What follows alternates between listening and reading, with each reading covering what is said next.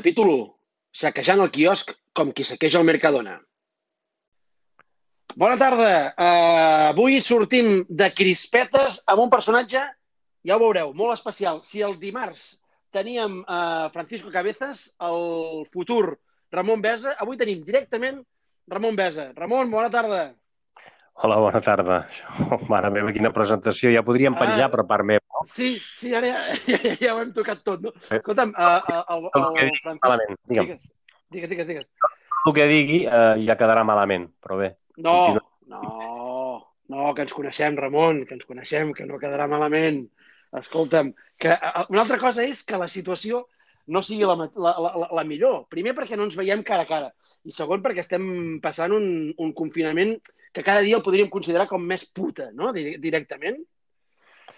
Sí, sí, sí, crec que bueno, la tercera setmana, jo justament vaig, fa des del dijous, avui fa tres setmanes que no surto de casa, només surto els matins a buscar els diaris al quiosc, jo encara sóc d'aquesta rutina com a persona gran o, per no dir vella, d'anar al quiosc, a fer una xerradeta d'un parell de minuts amb el quiosquer, mirar-me els diaris i emportar-me'ls a casa.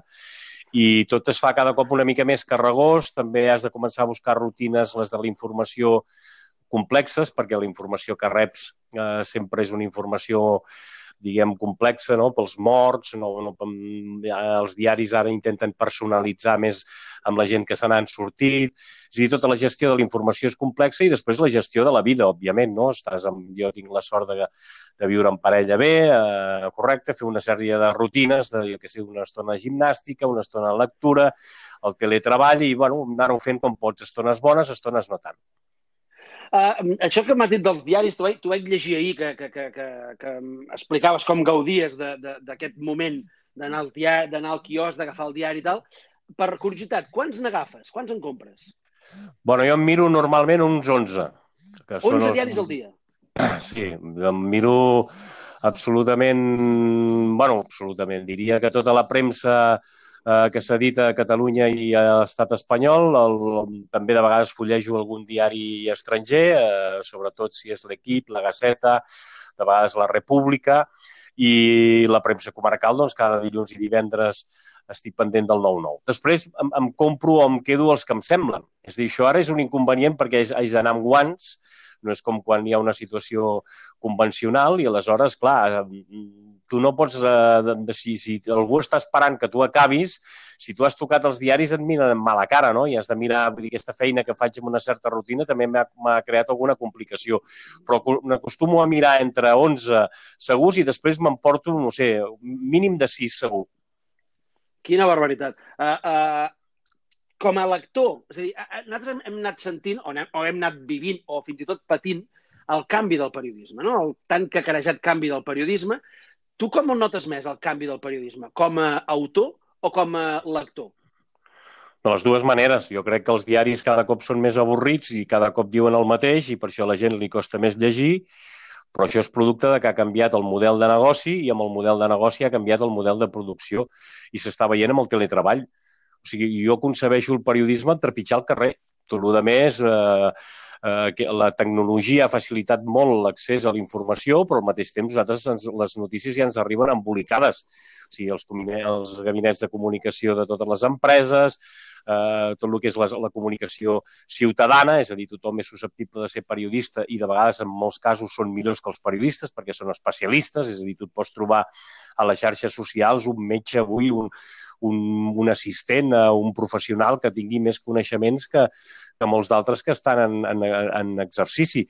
Però la vocació de periodista, com l'hem concebit alguns que ja tenim una edat, era sortir al carrer i explicar el que no vol que s'expliqui.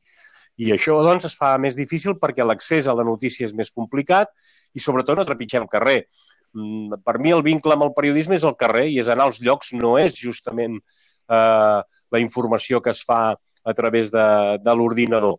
Ara, entenc que la informació de l'ordinador, de les xarxes socials, de la connexió, és important i ens ha afavorit moltes coses. Ens ha donat eh, complements i ens ha donat eh, moltes eines per fer una millor informació, però no pot ser mai un substitut de la manera d'entendre el periodisme. Almenys per mi és possible que la meva visió en tant que persona ja vella estigui caducada i, per tant, eh, espero amb confiança que la nova generació se'n surti i que a mi els diaris em continuïn eh, traient com encara ara, d'alguna manera, tot i que em costa més, abans llegir els diaris em portava un parell d'hores o dues hores i mitja.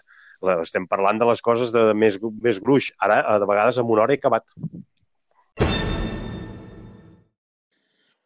El proper capítol... Bueno, hi ha un problema empresarial perquè això ha deixat de donar calés. O sigui, hi ha hagut una època de vaques grosses, eh, grasses, millor dit, en què tots ens han anat bé, els periodistes també, eh? És dir, nosaltres el que no podem fer veure ara és que no hem set còmplices d'aquest sistema que era d'una difusió que era totalment eh, dopada. És dir, la gent ja no comprava diaris, comprava el que regalaven els diaris. Vull anaves a un diari, pum, regalava llibres, després discos, després rellotges, després neveres, després televisions i tothom anava els diumenges carregat de, de, de, de, de tota aquesta sèrie de productes. Això era, d'alguna manera, dopatge. Aleshores, si no aconseguim donar-li valor, malament, i per donar-li valor la gent també s'ha de conscienciar que la informació val calés. O sigui, això de que el, el periodisme és gratuït i que tu vas a la xarxa i estàs informat sense necessitat de comprar o de pagar, jo crec que és una gran errada i les empreses periodístiques crec que al final acabaran disposant de periodistes que paguin la pena i aquests periodistes els faran valdre i això voldrà una subscripció. Ara, et posaré un cas. Si, per exemple, un periodista és molt bo per un determinat mitjà que el paga i el té assegurat i el té assalariat, farà que aquest periodista no expliqui la mateixa informació que aquest mitjà ven als seus subscriptors a d'altres mitjans. Ara ens trobem, doncs, per exemple, en el concepte tertúlies, que tu els articles que un periodista pot escriure en el mitjà de comunicació que el té contractat són els mateixos que ell, quan va a una tertúlia, són els que es vendeix. Aleshores, clar, un subscriptor que pagui un tant al mes per llegir aquest senyor dirà, home, doncs de, per què m'haig de gastar els calés jo amb aquest senyor si després ja l'escolto la ràdio o la televisió de manera diferent?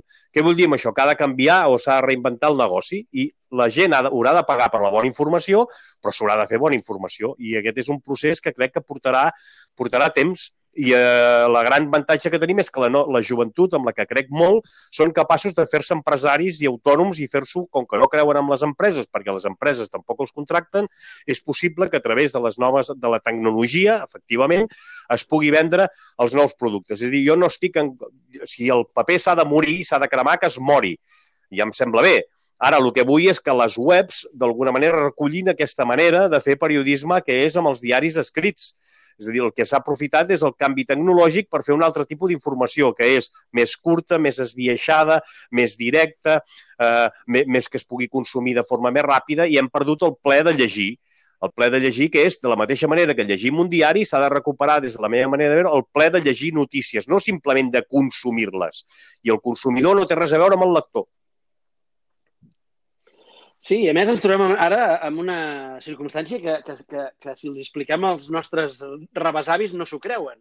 I és, és com els hi podem explicar que tenim un nodo amb 350 capçaleres, no? Moltes vegades allò que deies tu del, del, del discurs eh, de que els diaris acaben sent com avorrits perquè al final tens la sensació que t'estan dient eh, gairebé tots el mateix. Diu, com és possible que quan hi ha més mm, desplegament d'informació, més canals, més capçaleres, eh, hi hagi menys notícia real.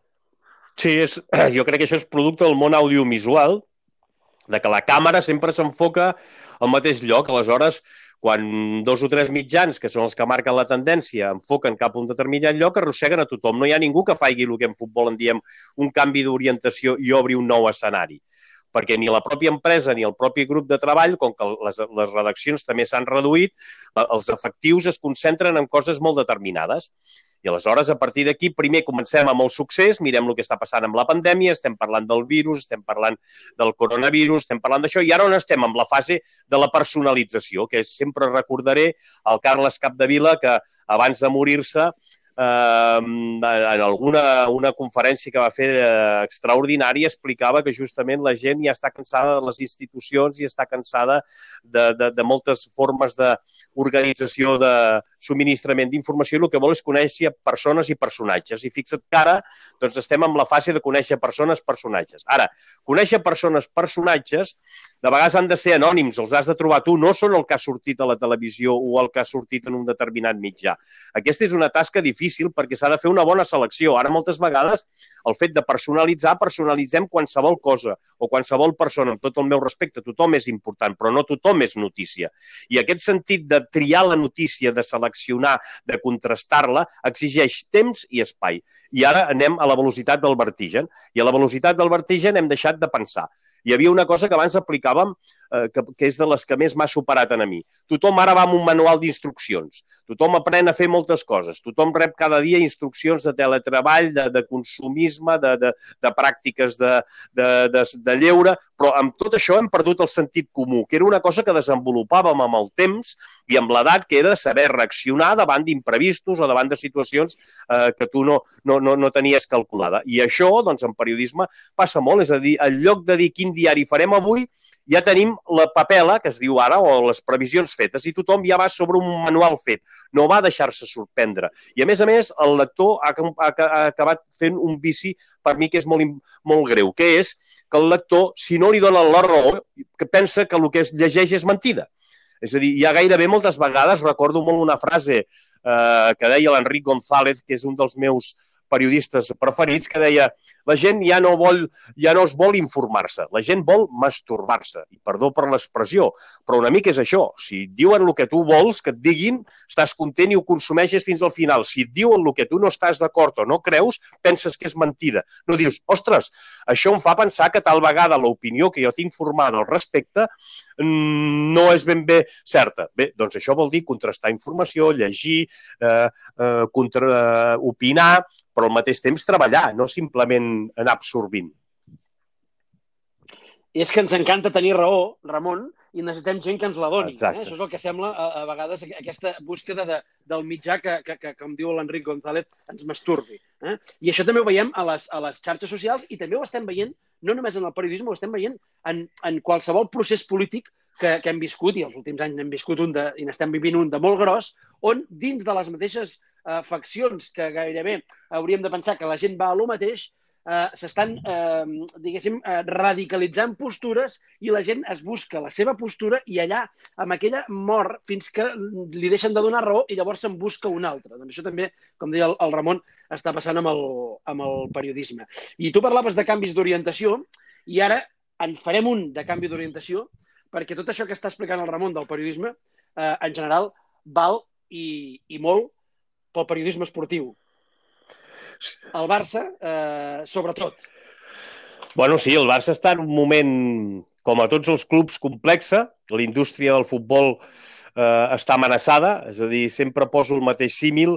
El futbol era una cosa que jugàvem una colla que no necessàriament érem els més espavilats del pati, sinó que també podríem ser els més rucs, perquè de vegades els més llestos això del futbol consideraven que era una pèrdua de temps o que era un oci, però que mai s'hi guanyaria la vida, i de cop i volta aquesta pilota ens la van prendre eh, i l'han anada inflant. I l'indústria, l'indústria futbolística ha creat una indústria de l'entreteniment que ara en aquest moment està amenaçada eh, per aquesta pandèmia. És a dir, tinc la sensació de que ara la rebentaran i la pilota la tornaran al pati eh, que juguin els que els interessa. Clar, això vol dir rebaixar pressupostos, això vol dir rebaixar expectatives, això vol dir la... No sé si és un cas semblant al de la bombolla eh, immobiliària que hi va haver en un moment determinat, però crec que en el futbol passarà una mica. En el cas del Barça és més complexa, per què? Perquè el Barça no és una societat anònima esportiva. Només hi han quatre clubs que no ho són, i en tres d'aquests clubs ho tenen relativament solventat, que és Osasuna i Atlètic de Bilbao, perquè les seves expectatives o les seves fites són molt més limitades. El Madrid, que tothom ja va sobre un manual fet, no va deixar-se sorprendre. I, a més a més, el lector ha, ha, ha acabat fent un vici, per mi, que és molt, molt greu, que és que el lector, si no li dona la raó, que pensa que el que es llegeix és mentida.